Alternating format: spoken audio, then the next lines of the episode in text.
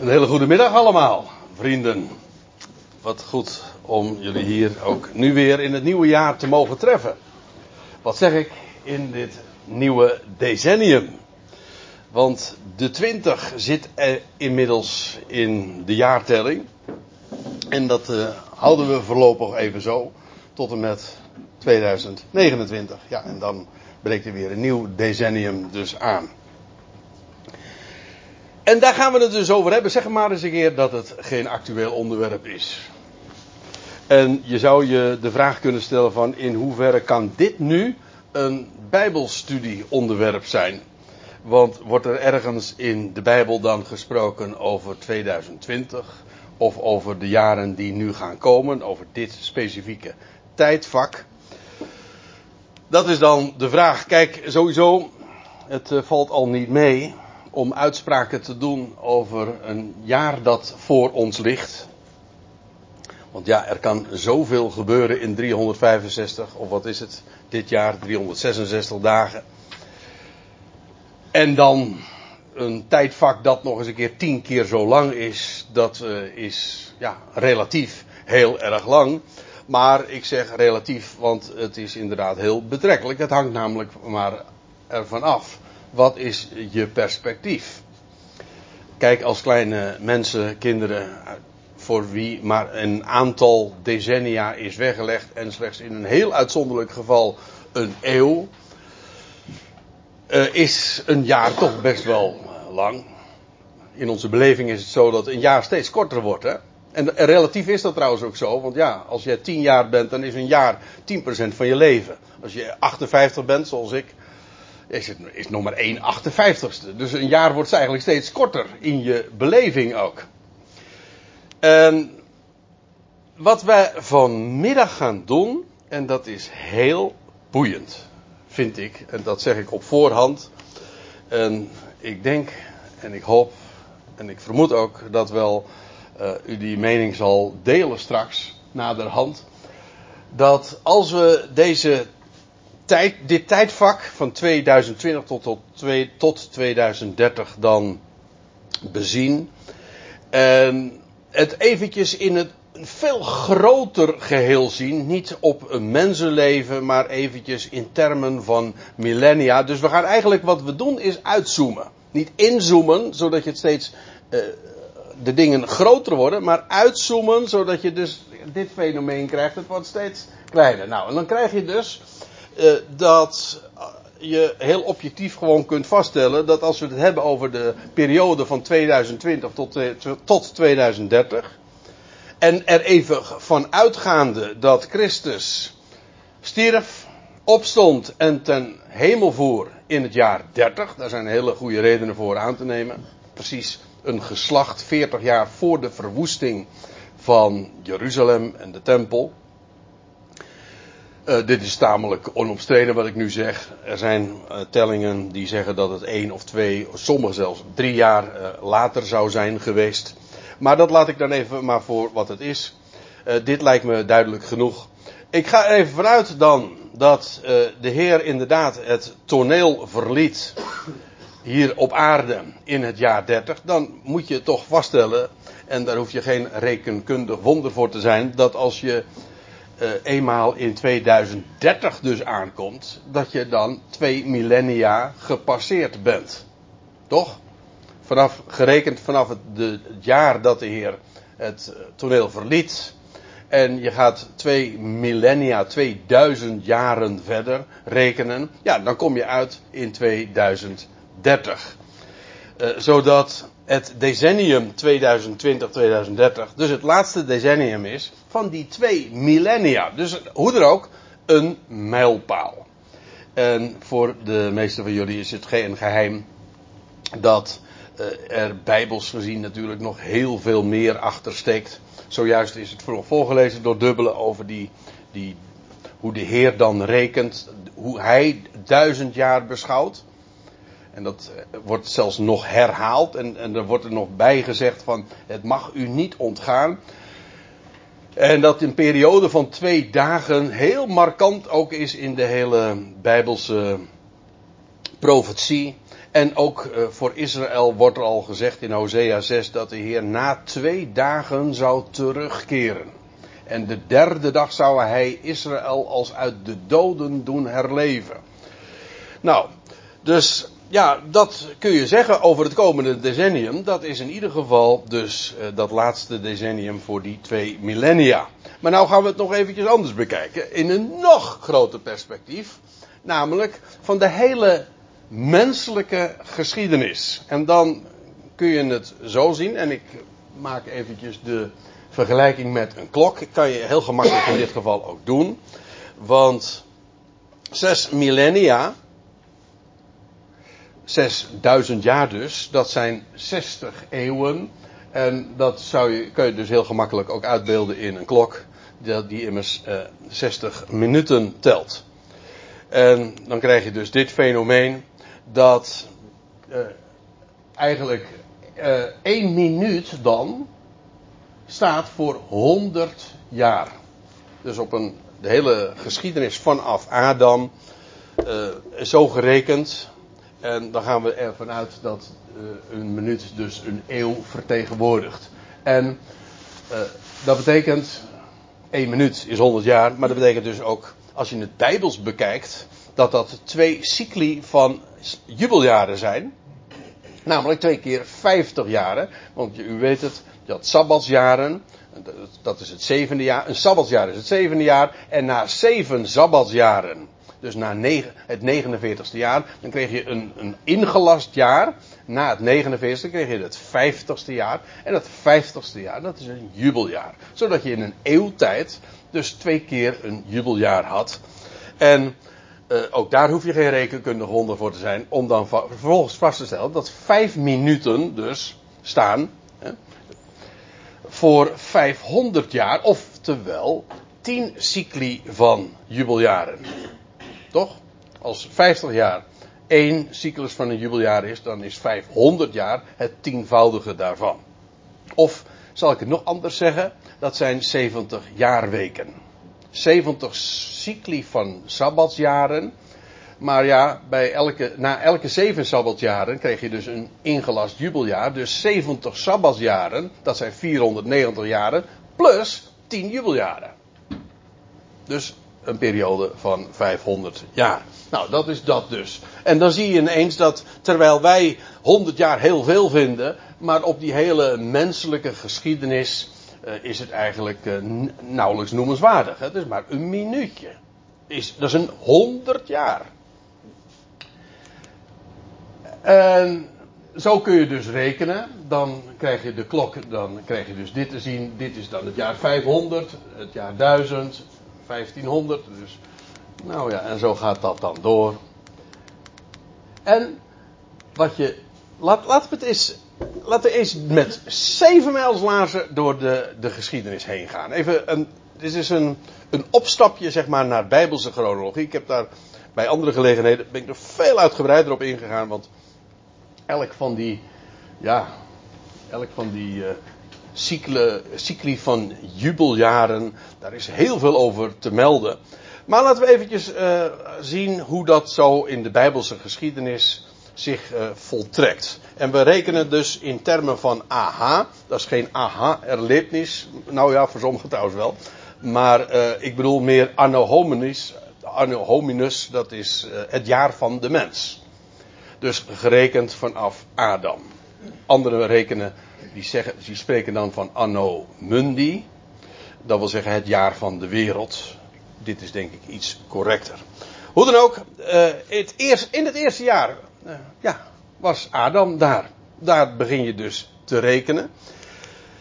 En nou gaan we meteen even een hele grote stap door de geschiedenis maken. Want 1651 jaar later ving de zondvloed aan. Ook een enorme mijlpaal. Maar ja, hoe kom je daar aan dat, uh, aan dat getal? Nou ja, dat is een kwestie van de verwekkingsleeftijden van de aartsvaders bij elkaar optellen. Dat is iets complexer dan dat ik nu zeg. Want eigenlijk moet je dan ook nog eens een keer. Uh, ja, hoe moet ik dat nu even kort zeggen? Nou, hè? Ja, je moet eigenlijk uh, rekenen ook nog met halve jaren. Want ja, als bijvoorbeeld Adam zijn zoon Seth verwekte in het 130ste jaar, ja, dan kan dat in het begin van het jaar zijn, maar het kan ook aan het einde van het 130ste jaar zijn. Toch? Dat is een, dus, dat is, uh, met zo'n weergave, dat, dat, dat geeft een, uh, een marge van een jaar. Dus als je dat middelt, ja, dan moet je gewoon zeggen een half jaar. Dus hij was 130,5. Gemiddeld. Kan vroeger, kan later, maar dat is zoals je rekent. Dus uh, er zitten nog wat haken en ogen aan. Maar uh, in het algemeen uh, is het heel goed te doen. En dan kom je dus bij dit jaartal uit. Dat, en als we daar nog even doorrekenen. En dan wordt het met name heel erg boeiend. om de reden dat, het, dat je dan echt van die enorme mijlpalen krijgt in de, in de historie. Dat vangt eigenlijk aan bij Abraham. En dan valt dat ook precies samen met jubeljaren. Kijk maar, want in het jaar dat Noach sterft, dat is vanaf Adam gerekend het jaar 2000. Maar dat was ook het jaar dat Abraham geboren werd. Uh, het is de afsluiting van een periode, maar het is daarmee ook de aanvang van een hele nieuwe tijd. Nou, Weer 500 jaar later, na de geboorte van Abraham zeg maar, 500 jaar later, ik bedoel 500 jaar later, niet eens om en nabij, 500 jaar later, toen uh, was, vond daar plaats de uittocht uit Egypte. Gaat u maar na, want Abraham was 100 jaar oud bij de geboorte van Isaac. 30 jaar eerder, op 70-jarige leeftijd, werd hij geroepen en kreeg hij de belofte. En uh, eh, 400 jaar na de geboorte van Isaac vond de uittocht uit Egypte plaats. Uh, en daar staat er in Exodus 12, dus wordt er dan nog bij gezegd, dat de dag dat zij uittogen, om het eventjes uh, ouderwets te zeggen, dat ze uit uh, Egypte gingen, dat was de, de, dat was de 14e Nisan, dat was op het, de dag nauwkeurig het 430ste jaar. Dat wil zeggen, gerekend vanaf Abrahams geboorte. Zo wordt dat dus gezegd. Dat betekent dus dat in het 50ste jubeljaar. Mooi hè? In het 50ste jubeljaar, in het jaar 2500, Anno Hominus, de uittocht uit Egypte plaatsvond. We gaan verder. Want nog weer 500 jaar verder. Ik bedoel, 500 jaar verder. Ja, ik zeg het er expres even zo bij met nadruk. Om daarmee aan te geven. Het was precies weer 500 jaar verder. Vond, uh, was de bouw van de tempel en de, het paleis van Salomo. Of Jeruzalem als koninklijke en priesterlijke stad voltooid. Gaat u maar na. Je kan het op allerlei manieren berekenen. Nou, in dit geval valt het wel mee, maar in ieder geval, er wordt in 1 Koningen 6 gezegd dat Salomo, dat was in het vierde jaar van zijn regering, startte met de bouw van de tempel. En dan staat erbij, het was het 480ste jaar na de uittocht uit Egypte. Aha. Nou, als de uittocht uit Egypte plaatsvond in het jaar 2500, dan was het dus 480 jaar later, vond, uh, startte Salomo met de bouw van de tempel. En wanneer was dat voltooid? Nou, 13 jaar later. En nog weer 7 jaar later. Of is het omgekeerd? Weet ik even niet. Maar in ieder geval, in het 20, ste jaar daarna. is de tempel en het paleis voltooid. Dus weer een tijdspanne van 500 jaar, oftewel 10 cycli van sabbatsjaren. Uh, de 10 cycli van jubeljaren, ja. Sorry. En dat was dus Precies. Halverwege de klok. In het jaar 3000. Ja, ik uh, aarzel een beetje mee uh, als, als, ik over deze dingen spreek, omdat hier zo ontzettend veel meer over te melden is. En ook allerlei symmetrieën en parallellen zijn aan te wijzen. Uh, ik moet nu echt dus mijn best doen om me in te houden om dat allemaal niet te vertellen. Ik wil alleen maar even een, een een globale indruk geven van de, de tijd uh, vanaf Adam. Om daarmee ook ons het, het komende decennium te plotten, zeg maar. Om het een plek te geven. En om zo ook een beetje een idee te hebben van ja, wat er sinds Adam allemaal al uh, gebeurd is. En zo met die zeven mijlslaarzen door de geschiedenis te gaan. Nou, uh, als je nog weer 500 jaar later rekent. Ik herhaal 500 jaar verder rekent. Dan kom je dus in het jaar 3500 uit. En toen vond in dat jaar, onder leiding van, of eigenlijk op aandringen van koning Kores, de herbouw van Jeruzalem plaats. Ja, dan zou je dus al die regeringsperioden na Salomo ook bij elkaar moeten optellen.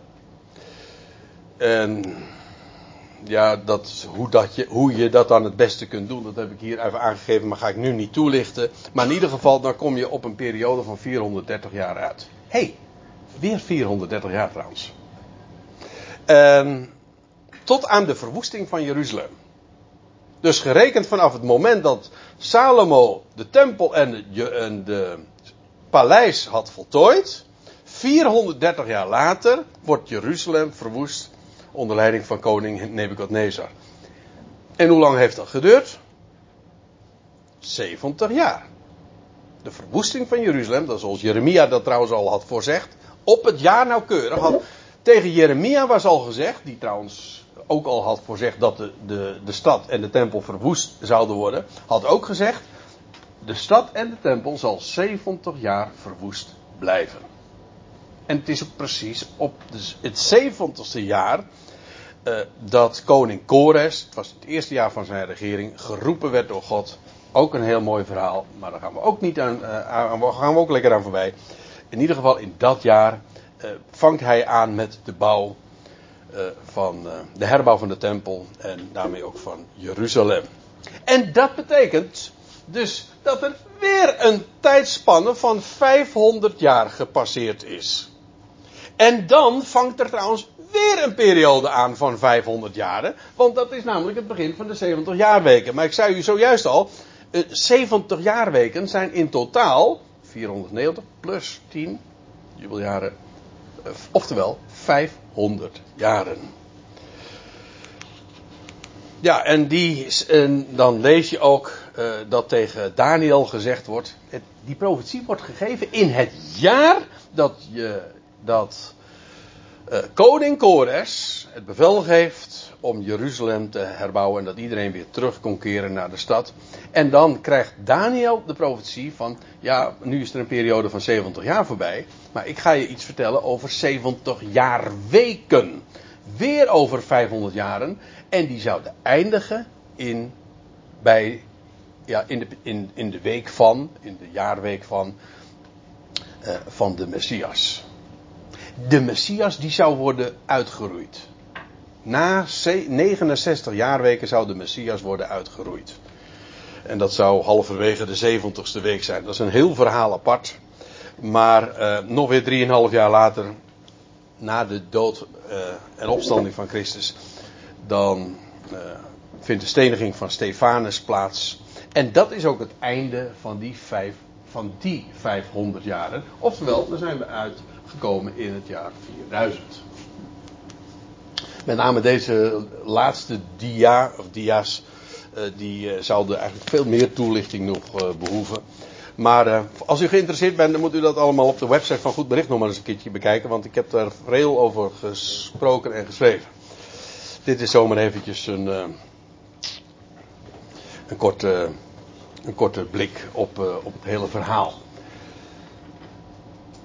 Overigens, het is zo, nou uh, leggen we even de link met de huidige of de ons gebruikelijke jaartelling.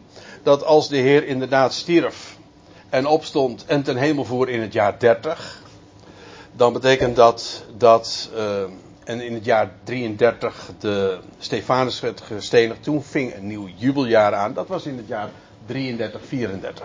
Ik zeg het expres even zo, omdat een jaar, anno hominus, uh, die, dat begint, dat begint niet in januari, zoals wij beginnen te tellen, maar in september. Zodat een jaar, een bijbelsjaar, begint in rond september, zeg maar. Zoals uh, een Joods jaar dus ook. Vandaar dus dat het jaar 4000 Anno Hominis, dat, valt, uh, dat komt overeen met het jaar 33, 34 van onze jaartelling. En als je dat eenmaal weet, ja, dan is het niet zo moeilijk uh, om vast te stellen, om, vast, uh, om na te gaan in welk jaar wij nu ons bevinden. En dan zitten we in januari 2020. En dat, is, dat komt overeen met het jaar 5986. Anno Hominis. Als u zegt van ja, maar de Joodse jaartelling is toch wat anders. Die zit, die zit toch op de. Wat was het ook weer? 57 zoveel? Hè? Ja. Ja. Nou ja, dat, dat is ook een heel boeiend verhaal. Daar heb ik juist onlangs nog een blog over geschreven. Die zit namelijk wat naast. Wat trouwens algemeen geaccepteerd is, dat de Joodse jaarrekening niet klopt. Maar in ieder geval, uh, dit is de echte telling. Als u het mij vraagt, ik zeg het natuurlijk uh, heel arrogant nu. Maar, uh, en ik, dit is ook niet, al, dit zeg, leg ik ook niet neer als een dogma. Dit is, voor zover ik dat dan zie en versta, vanuit de Bijbelse chronologie, de gang van zaken. Dus ja, als je rekent vanaf Adam en tot nu aan toe, dan zitten we in het jaar 5986. Ja, je weet dan ook natuurlijk dat als in het jaar, uh, als het jaar 33, 34 overeenkwam met het jaar 4000, dat betekent dat dus 2000 jaar later uh, het jaar 6000 is. Dat is allemaal nog maar heel kort uh, vanaf nu van ons verwijderd. De tijd gaat dus echt dringen. Je zou het ook, om het nog eventjes anders te zeggen, je zou de hele wereldgeschiedenis vanaf Adam tot nu toe kunnen onderverdelen in drie keer, drie eh, keer perioden van twee millennia. Drie keer 2000 jaar. Vanaf de creatie van Adam tot de geboorte van Abraham is 2000 jaar. Nou, die kleurtjes zie je geloof ik niet erg goed, die ik hier heb aangegeven, wel dan? Nee. Oh wel, oké. Okay. Nee, niet? Oh, oké. Nou ja, in ieder geval. Ik zie het op mijn scherm wel, maar goed. Uh, de periode dus vanaf Abraham tot aan de dood van Stefanus. Dat is uh, ook weer 2000 jaar. Oh, wacht even. Oh, nee, wacht even. Ik moet even anders zeggen. De volgende periode, neem me niet kwalijk. De, dit is dus 2 2000 jaar. En dan krijg je de geboorte van Abraham tot de dood van Stefanus. Is ook weer 2000 jaar. Maar die valt uiteen in 4 keer 500 jaar dus. Dit. Vanaf de geboorte van Abraham tot aan de uittocht uit Egypte. De voltooiing van, de, van het paleis en de tempel.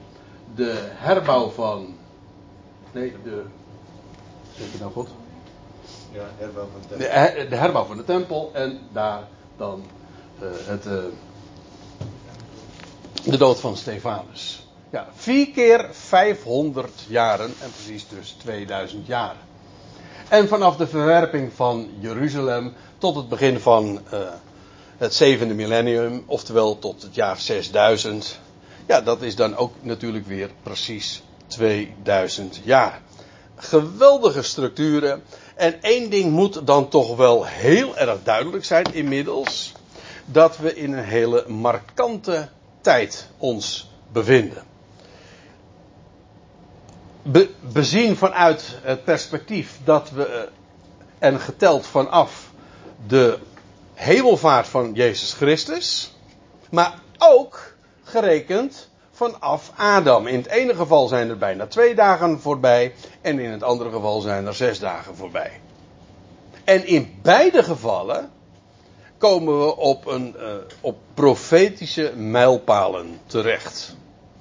Ja, dat betekent toch ook in de praktijk, als we nu eventjes de, de chronologische kant van het verhaal hebben belicht, dan moet je toch ook vaststellen van ja, wacht even, maar er uh, is nog het een en ander moet er gaan plaatsvinden. Want inderdaad, zoals Dubbel al zei, strikt genomen, die uitdrukking de eindtijd, dat is de laatste fase. Als je dat in Daniel 11 en 12 leest, eh, die laatste fase in verband met eh, de grote verdrukking, dan wordt er gesproken over de over de eindtijd. Maar uh, het kan niet missen dat die tijd nu dan toch in elk geval heel erg gaat naderen. En wat we hebben gezien is dat er de laatste eeuw hele bijzondere gebeurtenissen hebben plaatsgevonden. Kijk, je moet het je gewoon zo voorstellen dat de Bijbel spreekt over uh, een, een scenario in verband met de terugkeer van de Heer Jezus Christus. Zoals er ook trouwens een scenario was, een, een, een, een, een rangschikking van gebeurtenissen en, en een opeenvolging van, van bepaalde perioden. Eh, in verband met de eerste komst van Christus. Zo zal het ook met de tweede komst zijn. Heel veel Bijbelse profetie gaat over die tijd. Ook over de oorlogen die er zullen zijn. De politieke verhoudingen die er zullen zijn. De volkeren die daarin een rol spelen. En eh, een van de meest eigenaardige dingen is wel dat als je dat leest in de Bijbel, dat dat hele oud-testamentische volkerenpatroon, zoals daar Zoals de profeten spraken over, over Edom en over Syrië en over Egypte en over over de Libanon en over Israël en over Jeruzalem en over de Filistijnen. Nou, zo spraken de profeten over die, over die dingen. Die tijd, die zou zich weer eh, herstellen. Want in verband met de wederkomst is dat ook weer aan de orde. Zodat men op grond van de Bijbelse profetie gewoon op voorhand al kon weten dat tegen de tijd dat de terugkeer van Jezus Christus aanstaande is, moet dat alles weer op de kaart gezet worden. Kan niet anders. Ik, is heel bijzonder. Ik, ik heb een, een boekje in de kast van H.C. Voorhoeven. Uh, uit de, dat is uh, ergens geschreven, ik vermoed in, uh, in 1860 of zo. Toen er nog, nog niet eens zoiets was als een sionistische beweging. Toen er geen Egypte. Al die, oud, al die volkeren die we nu kennen. Al die staten, die natieën. Die waren er helemaal niet. Totaal niet. Was, het Midden-Oosten was eigenlijk een lappendeken van allemaal uh, koloniën, van uh, Brits mandaat, Frans mandaat, nou ja. Uh, maar in ieder geval totaal anders onderverdeeld. En de grap is, die, die dominee, hij was geen dominee, Herman Cornelis Voorhoeven, die schreef over de dingen van de, van de, de tijd van het einde. En die, die, die, die zei van ja, maar dat gaat weer gebeuren. Er was geen enkele aanleiding die hij vond in de politiek of in de, in de actualiteit van zijn dagen om dat te menen. Maar hij zegt ja, uh, ik, ben, ik ben ook geen politiek analist. Ik, ik, ik, lees de, ik, ik, ik ben ook geen profeet, ik lees de profeten. En dan kan het mijn zinziens niet anders zijn dat, dat de, de, de, de situatie dan als volgt zal zijn. En dat zal, er zal weer een Joodse staat zijn. Er zal weer een, een hoofdstad Jeruzalem zijn. En er zullen weer Filistijnen, er weer een Libanon enzovoort. Dat moet weer. En wat in die dagen, in 1860, nog volstrekt ondenkbaar allemaal was, heeft zich in de loop der jaren, eh, in de, van de tijd, zich inderdaad voltrokken. Want ga maar eens na. Wat de laatste eeuw is gebeurd. Wat er allemaal weer letterlijk op de kaart werd gezet. Na let op, na duizenden jaren afwezigheid is er sinds 1922 weer een natie Egypte. In 19, sinds 1943 is er weer een natie Libanon. Daar heb je ook zo'n Bijbelse speler op het uh, hele Bijbelse schaakbord, om zo te zeggen, waar de profeten over spreken. Sinds 1946 hebben we weer een natie Syrië. Sinds 1946, diezelfde jaar dus, hebben we ook weer uh, Amman of Ammon. Nou ja, dat is de hoofdstad dan van Jordanië, maar niettemin, die speler is er weer. Ammon. Ook een belangrijke. Nou ja, en de belangrijkste in deze lijkt mij toch wel uh, wat er in 1948 is gebeurd. De oprichting van de Joodse staat Israël. En in nog weer uh, bijna twintig jaar later uh, werd Jeruzalem bevrijd, bezet. Ja, dat hangt er vanaf wie, wie je daarover hoort natuurlijk. Maar in ieder geval werd Jeruzalem weer de Joodse hoofdstad. En vanaf de aanvang trouwens van de Joodse staat eh, hebben ze te kampen gehad met uh, de, de Gaza-strook. Van oudsher trouwens ook de plek waar de Filistijnen zich bevonden. En sinds 1988 is er ook weer een onafhankelijke Palestijnse staat. Die Pal Palestijnse beweging was er al vanaf 1948, of misschien nog wel eerder, ik weet eigenlijk niet. Met uh, onder leiding van Yasser Arafat. Maar pas sinds 1988 is inderdaad er sprake van een onafhankelijke Palestijnse staat. Zodat al die landen, al die naties waar de profeten over gesproken hebben, weer in minder dan een eeuw tijd allemaal weer op de kaart gezet zijn. Dat is bijzonder. Ja, uh, bijzonder. Hoezo bijzonder? Dat was toch voorzegd? Dat gebeurde toch? Dat, dat bijzonder geweest als het niet gebeurd was. Kijk, dat is de vanzelfsprekendheid als je afgaat niet op analyses van politieke deskundigen of op de glazen bol van een waarzegger, maar gewoon op wat de schrift voorzegt. Profetie betekent niet voorspellen, of profeteren betekent niet voorspellen, profetie betekent voorzeggen. God voorzegt. Zo zal het gaan. En al die stukken zijn dus op het schaakbord gezet. En nou, dat is wat we de afgelopen eeuw, iets minder dan dat, eh, hebben gezien. Nou, ik moet er eigenlijk wel bij zeggen dat als ik de, deze voorbeelden allemaal geef, er is natuurlijk ook wel een aanloop geweest. Want het is niet zo dat 1948 er plots een, een Joodse staat was. Dat begon eigenlijk al in 1897 toen de Sionistische beweging met onder leiding van Theodor Herzl eigenlijk al dat verlangen uitsprak om weer terug te keren naar het land. Dus er was een aanloop, maar niettemin, uh, sinds 1948 is er dan ook daadwerkelijk een Joodse staat. Er is dus heel veel gebeurd de afgelopen eeuw. Vanuit puur profetisch oogpunt van wat je had kunnen verwachten. Het is wel zo dat uh, de tijd gaat dringen. Dat betekent dat als er nog dingen ontbreken, dan zeggen we ja, wacht even, maar de tijd wordt steeds korter. Dat is net zoiets als dat je, kijk, als je jong bent, dan weet je, ja, ik moet een keer, ik, ik, ik zal een keer gaan sterven. Dat denk je als je jong bent, na, bent nog helemaal niet over na, maar niettemin, het is wel zo.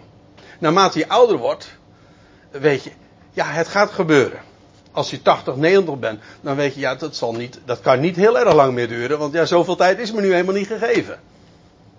En dat, is, dat geldt ook voor de dingen die nog, als je het profetisch bekijkt, die nog moeten gaan gebeuren. Ja, dat moet dan toch wel uh, vrij snel nog allemaal zich gaan voltrekken. Want de tijd begint te dringen zomaar. En dat is uh, precies ook waar ik het uh, dan ook over wil hebben. Want ja, eigenlijk wat we tot dusver hebben gedaan is terugblikken. Maar nu eh, het, het komende decennium. Wat, mogen we verwachten? Wat ontbreekt nog? Nou, ik ga iets bijzonders vertellen. Ik hoop daar van de week trouwens eens een keer eh, wat dieper op in te gaan op mijn website, op een, in een blog. Ik ga u dit vertellen. Binnenkort is er weer een speler bij. En namelijk Edom. Dat wisten jullie misschien niet, maar het is echt zo. Edom speelt net als Moab en Ammon en de Libanon en nou ja, noemen ze allemaal maar op waar we het net over hadden. Een, grote rol in de Bijbelse profetie. Tot dusver zou je zeggen van, ja, waar is Edom? Uh, dat vond ik ook altijd een wat lastig verhaal. Ja, totdat me duidelijk werd hoe de vork aan de steel zit. En, maar ook als je de actualiteit daarbij betrekt. Kijk, er staat dit. Ik dacht, laat ik het zo, laat ik eerst eventjes het misverstand zeggen wat ik tot, tot voor kort altijd had. Ik dacht altijd dat Edom, ziet het niet goed, kan ik eventjes, ja. Edom dit gebied was, uh, onder de Rode Zee, uh, onder de Dode Zee en tot aan de Rode Zee, tot Eilat, zeg maar. Tot aan de golf van Eilat. Dat, meestal wordt ook gezegd dat is het gebied van Edom. In werkelijkheid is het gebied van Edom veel groter. Gaat veel verder naar het zuiden. Ik wil u één ding uh, laten zien in Ezekiel 25. Bij een andere gelegenheid wil ik graag daar nog eens een keertje een hele, een hele studie aan wijden over de toekomst, de profetie over Edom. Want het is buitengewoon boeiend en actueel. Er staat in Ezekiel 25, gaat ook over de tijd van het einde. Daarom, zo zegt de Heer Jahweh, ik strek mijn hand uit tegen Edom en er zal, en, er zal, en zal er mens en dier uitroeien. Ik zal het tot een puinhoop maken en er staat erbij, van Theman af tot Dedan toe. Nou zegt dat ons niet zo heel erg veel. Ik bedoel Amsterdam en Emmeloord en, en, en Urk en zo. Ja, dat begrijpen we nog wel. Maar Theeman en Dedan, dat zijn nou niet plaatsen die je dagelijks aandoet. Maar ik zal u vertellen, dit waren hele grote, betekenisvolle plaatsen in de dagen van Ezekiel. Trouwens, een eh, hele lange periode. Want Theeman, dat ligt hier. Dat ligt halverwege de Dode Zee en de Rode Zee, de golf van Elat. En het valt samen met het gebied van Petra en van Bosra. Dit is trouwens allemaal wat ik nu vertel. Kun je gewoon in Wikipedia of een, een fatsoenlijke encyclopedie terug, uh, teruglezen. Theeman, dat is dat gebied van de, van de de hoofdstad. En uh, daar dus bij Petra. Dat is Theeman. Het feit hier, dat hier gesproken wordt in Ezekiel 25 van Theeman tot dan aan toe, geeft aan dat dat dus een hele, het hele gebied van noord naar zuid, want dit is namelijk de noordelijke kant van Edom, Theman, dan, dan ligt het voor de hand dat Dedan inderdaad dan het, de, de zuidelijke kant is. En dat is ook zo, want Dedan ligt helemaal hier. Dat is tegenwoordig ook een, een Arabische stad. Al-Ula heet dat. Ook dit uh, kun je gewoon in elke encyclopedie terugvinden. Dedan is de stad daar ergens, uh, ja, nou ja, ver uh, onder, onder het, Ara onder het, hoe zeg je dat, dat schiereiland van de Sinaï. En dat ligt dus hier. En dat betekent dat hele gebied hier is allemaal Edom. En waarom is dat zo belangrijk? Want. Nou, dat zal ik u vertellen. Waarom dat zo belangrijk is. Er gaat namelijk iets heel bijzonders gebeuren. Ik moet eigenlijk anders zeggen. Er is iets heel bijzonders aan de hand. Want hier in dit gebied wordt momenteel een gigantische stad in no time uit de grond gestampt. En ik zal u een, voorbeeld geven. Ik, ik, ik, pluk even iets van het internet. Dit staat op Business Insider. Dit is dus niet een of andere christelijke site. Dit is gewoon een neutrale uh, site over de actualiteit.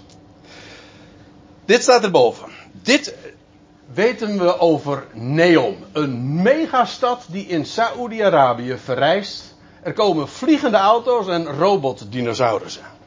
Dat wil zeggen, het wordt een supermoderne stad. En u weet, hoe dat is met Saoedi-Arabië. Die heeft, uh, daar is, die hebben allerlei, allerlei tekorten. Maar uh, ze, een, een, paar dingen hebben ze genoeg. Zand.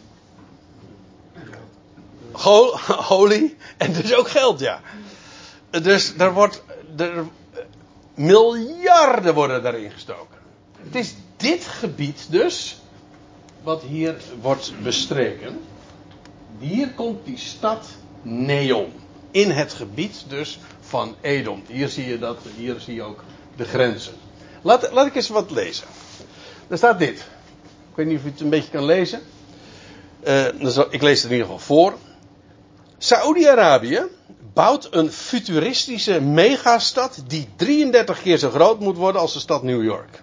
De stad gaat Neom heten en wordt helemaal vanaf de grond af opgebouwd. Saoedische officials die noemen de bouw van Neom het meest ambitieuze project ter wereld. U zegt van ja, daar zal wel wat Arabische grootspraak bij komen.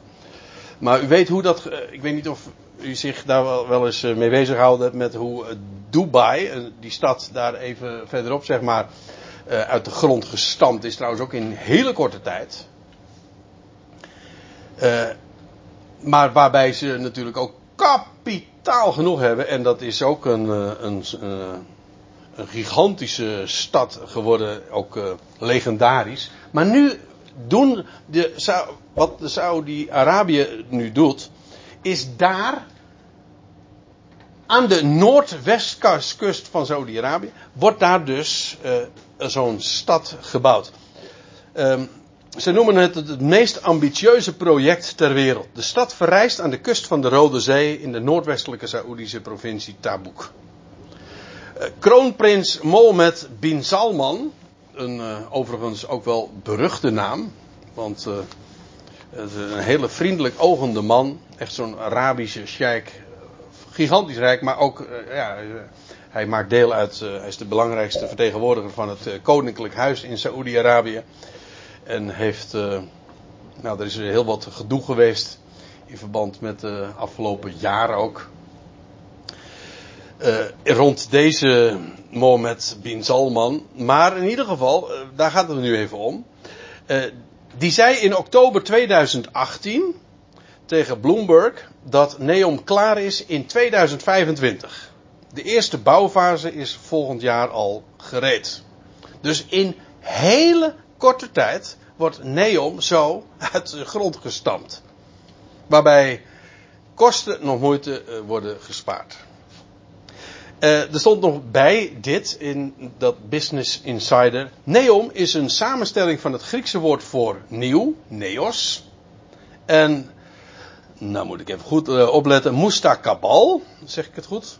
Het Arabische woord voor toekomst. Dus nieuwe toekomst.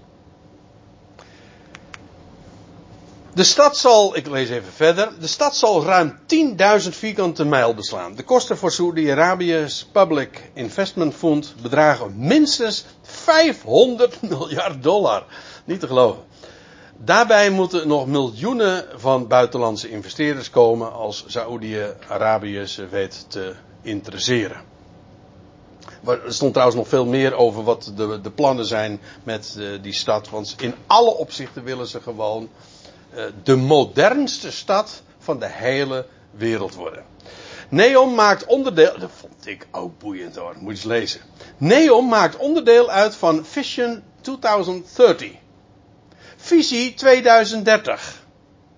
Een ambitieus plan om de Saoedische maatschappij te hervormen. Saudi-Arabië wil de afhankelijkheid van olie verminderen en het land een technologische hub maken. Ziet u, dat, zo kwam ik er trouwens ooit uh, ook op. Op dat Vision 2030. En je zou zeggen, zou die, die uh, hoe, heet die ook weer? Uh, Bin Salman. Zou die de Bijbelse profetie gelezen hebben van er moet nu haast gemaakt worden, want Edom moet nog op het, op het toneel komen. Maar het is waarachtig. Edom wordt in een paar jaar tijd op de kaart gezet. Zodat er nog een speler is. En uh, dus ik heb al de laatste tijd heb ik nog wel eens mailtjes gekregen, omdat ik over deze dingen nog wel eens wat gesproken heb, ook geschreven. En toen werd er gezegd, zou dit misschien niet die stad Babylon zijn? Nee, het is niet Babylon. Het is Edom.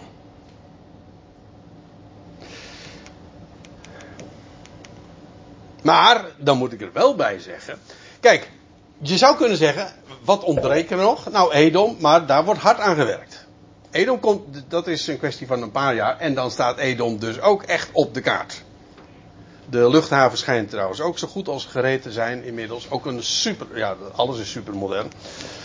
En uh, wellicht dat je over een paar jaar ook uh, daar uh, op vakantie, want men wil daar ook een groot toeristische industrie opzetten. Want dat is natuurlijk ook de opzet, want het is ook een PR-stunt voor Saudi-Arabië. Maar dat is dus Edom. Die niet onder de naam Edom, maar Neom uh, op de kaart wordt gezet. Maar het is gewoon het gebied van Edom. En zo pontificaal krijgt dat een plek.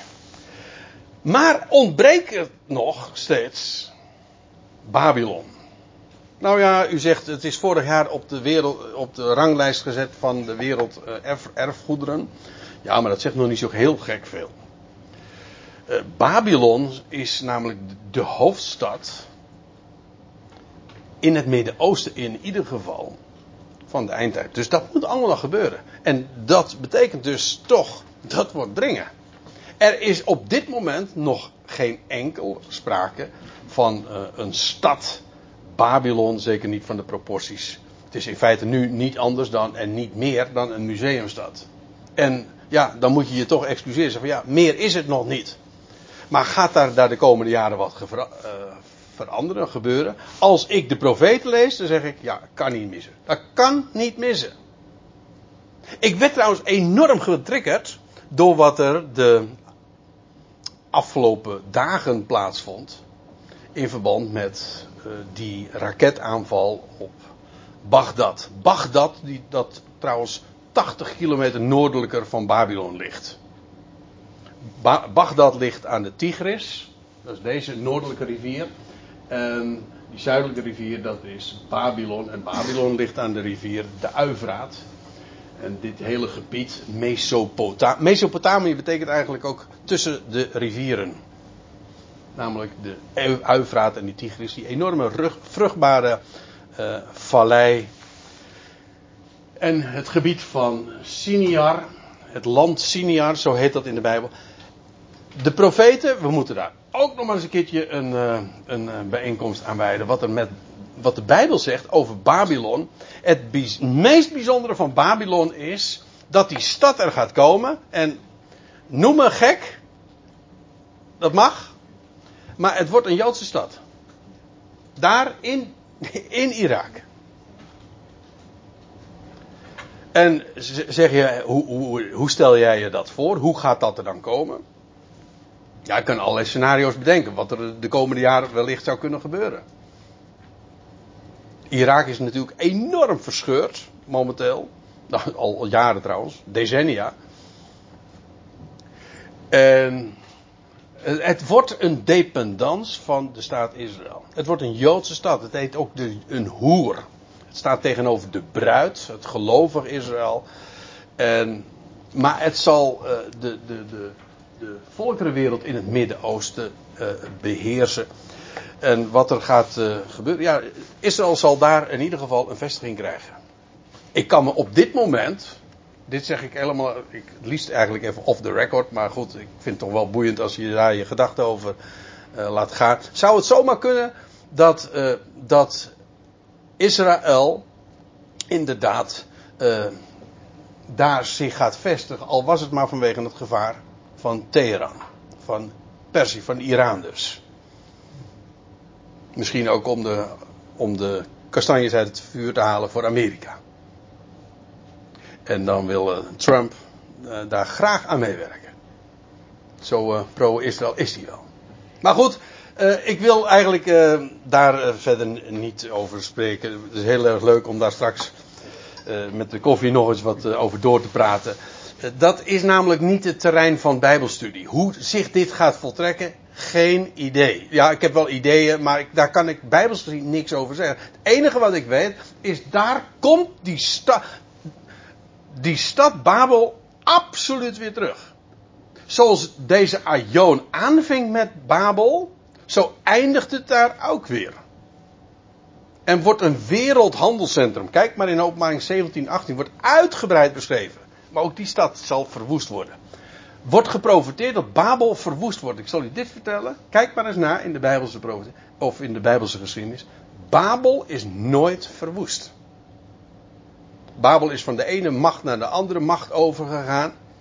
En Babel is op een gegeven ogenblik ontmanteld en is helemaal leeggetrokken, maar is nooit verwoest. Maar de Bijbel zegt dat Babel verwoest zal worden zoals ooit Sodom en Gomorra verwoest zijn.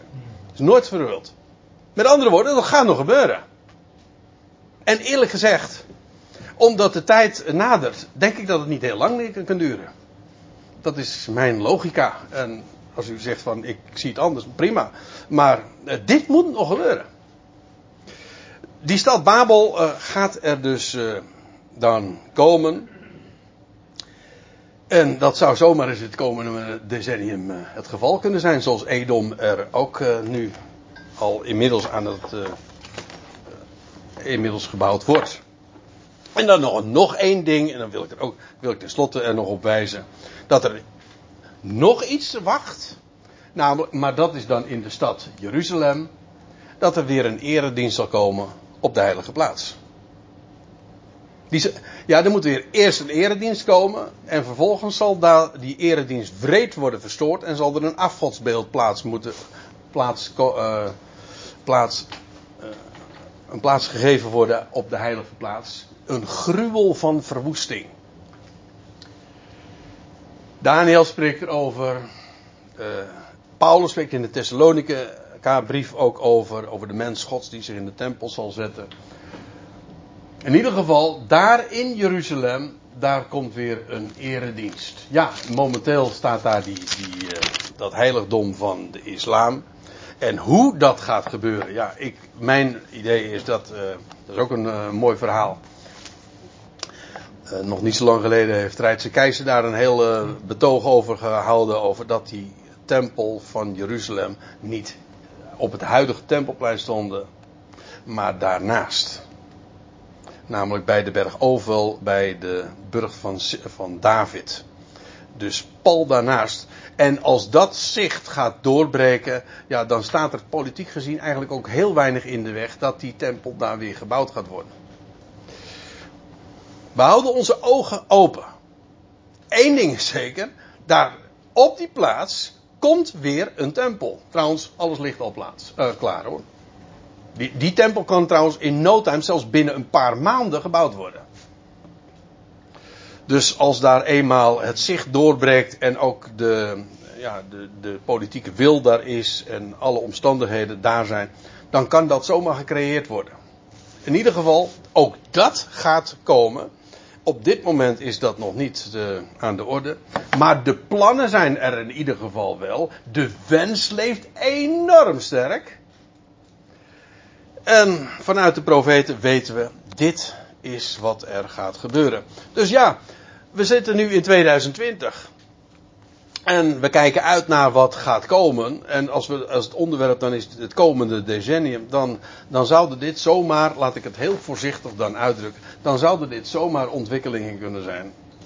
Die we inderdaad de komende jaren gaan zien. En eerlijk gezegd, diep in mijn hart kijkend, kan het eigenlijk niet anders. Maar dat is het licht van de, van, ja, van de schriften die daarop schijnen. Ja, dit, uh, het einde van de Aion, daar, daar bevinden we ons momenteel in. En de komende Aion, ja, die gaat uh, binnen al, niet al te lange tijd, dat zevende millennium, het, de zevende dag, de Sabbatdag, die gaat binnenkort aanbreken. En of het precies op dat jaartal zal zijn? Ja, waarom niet? Ik zou haar zeggen, in het verleden ging het in ieder geval altijd zo. En als de berekening klopt, dan moet het wel. Dus ja, ik heb daar geen uh, problemen mee. We kijken uit naar uh, wat gaat komen. En uh, laat ik dan afsluiten met deze woorden. En ik geef toe, ik waarschuw u, het is wat uit zijn verband gerukt, want dit gaat over de de gebeurtenissen echt in de eindtijd in verband met Israël. Maar dan zegt de Heer Jezus dit. En, maar pas het nu eventjes toe. Ook voor ons, nu in 2020, wanneer deze dingen beginnen te geschieden, richt u op, heft uw hoofd omhoog, want uw verlossing nadert. En is dat niet een mooie manier om deze samenkomst of om deze Bijbelstudie af te sluiten? Er gaan geweldige dingen gebeuren. Ik denk trouwens, en daar moeten we het uh, de komende keren ook nog maar eens over hebben, want dit gaat nog een vervolg krijgen. Er gaan zulke. Uh, het is zo bijzonder om in deze tijd te mogen leven. Er gaan nog zulke bijzondere dingen gebeuren. Maar er gaat ook uh, nog enorme verleidingen op ons afkomen. U zegt dat is toch al zo? Ja, maar het wordt alleen nog maar erger. Dus maak uw borst maar nat. Ook dat. Maar het geweldige is, we hebben gewoon zo'n rotsvast woord waar je absoluut van op aan kan. En ik prijs me gelukkig dat we vanuit dat woord kunnen leven, vanuit dat woord kunnen putten en vanuit dat woord hoop mogen hebben. Zullen we het voor deze samenkomst daarbij laten?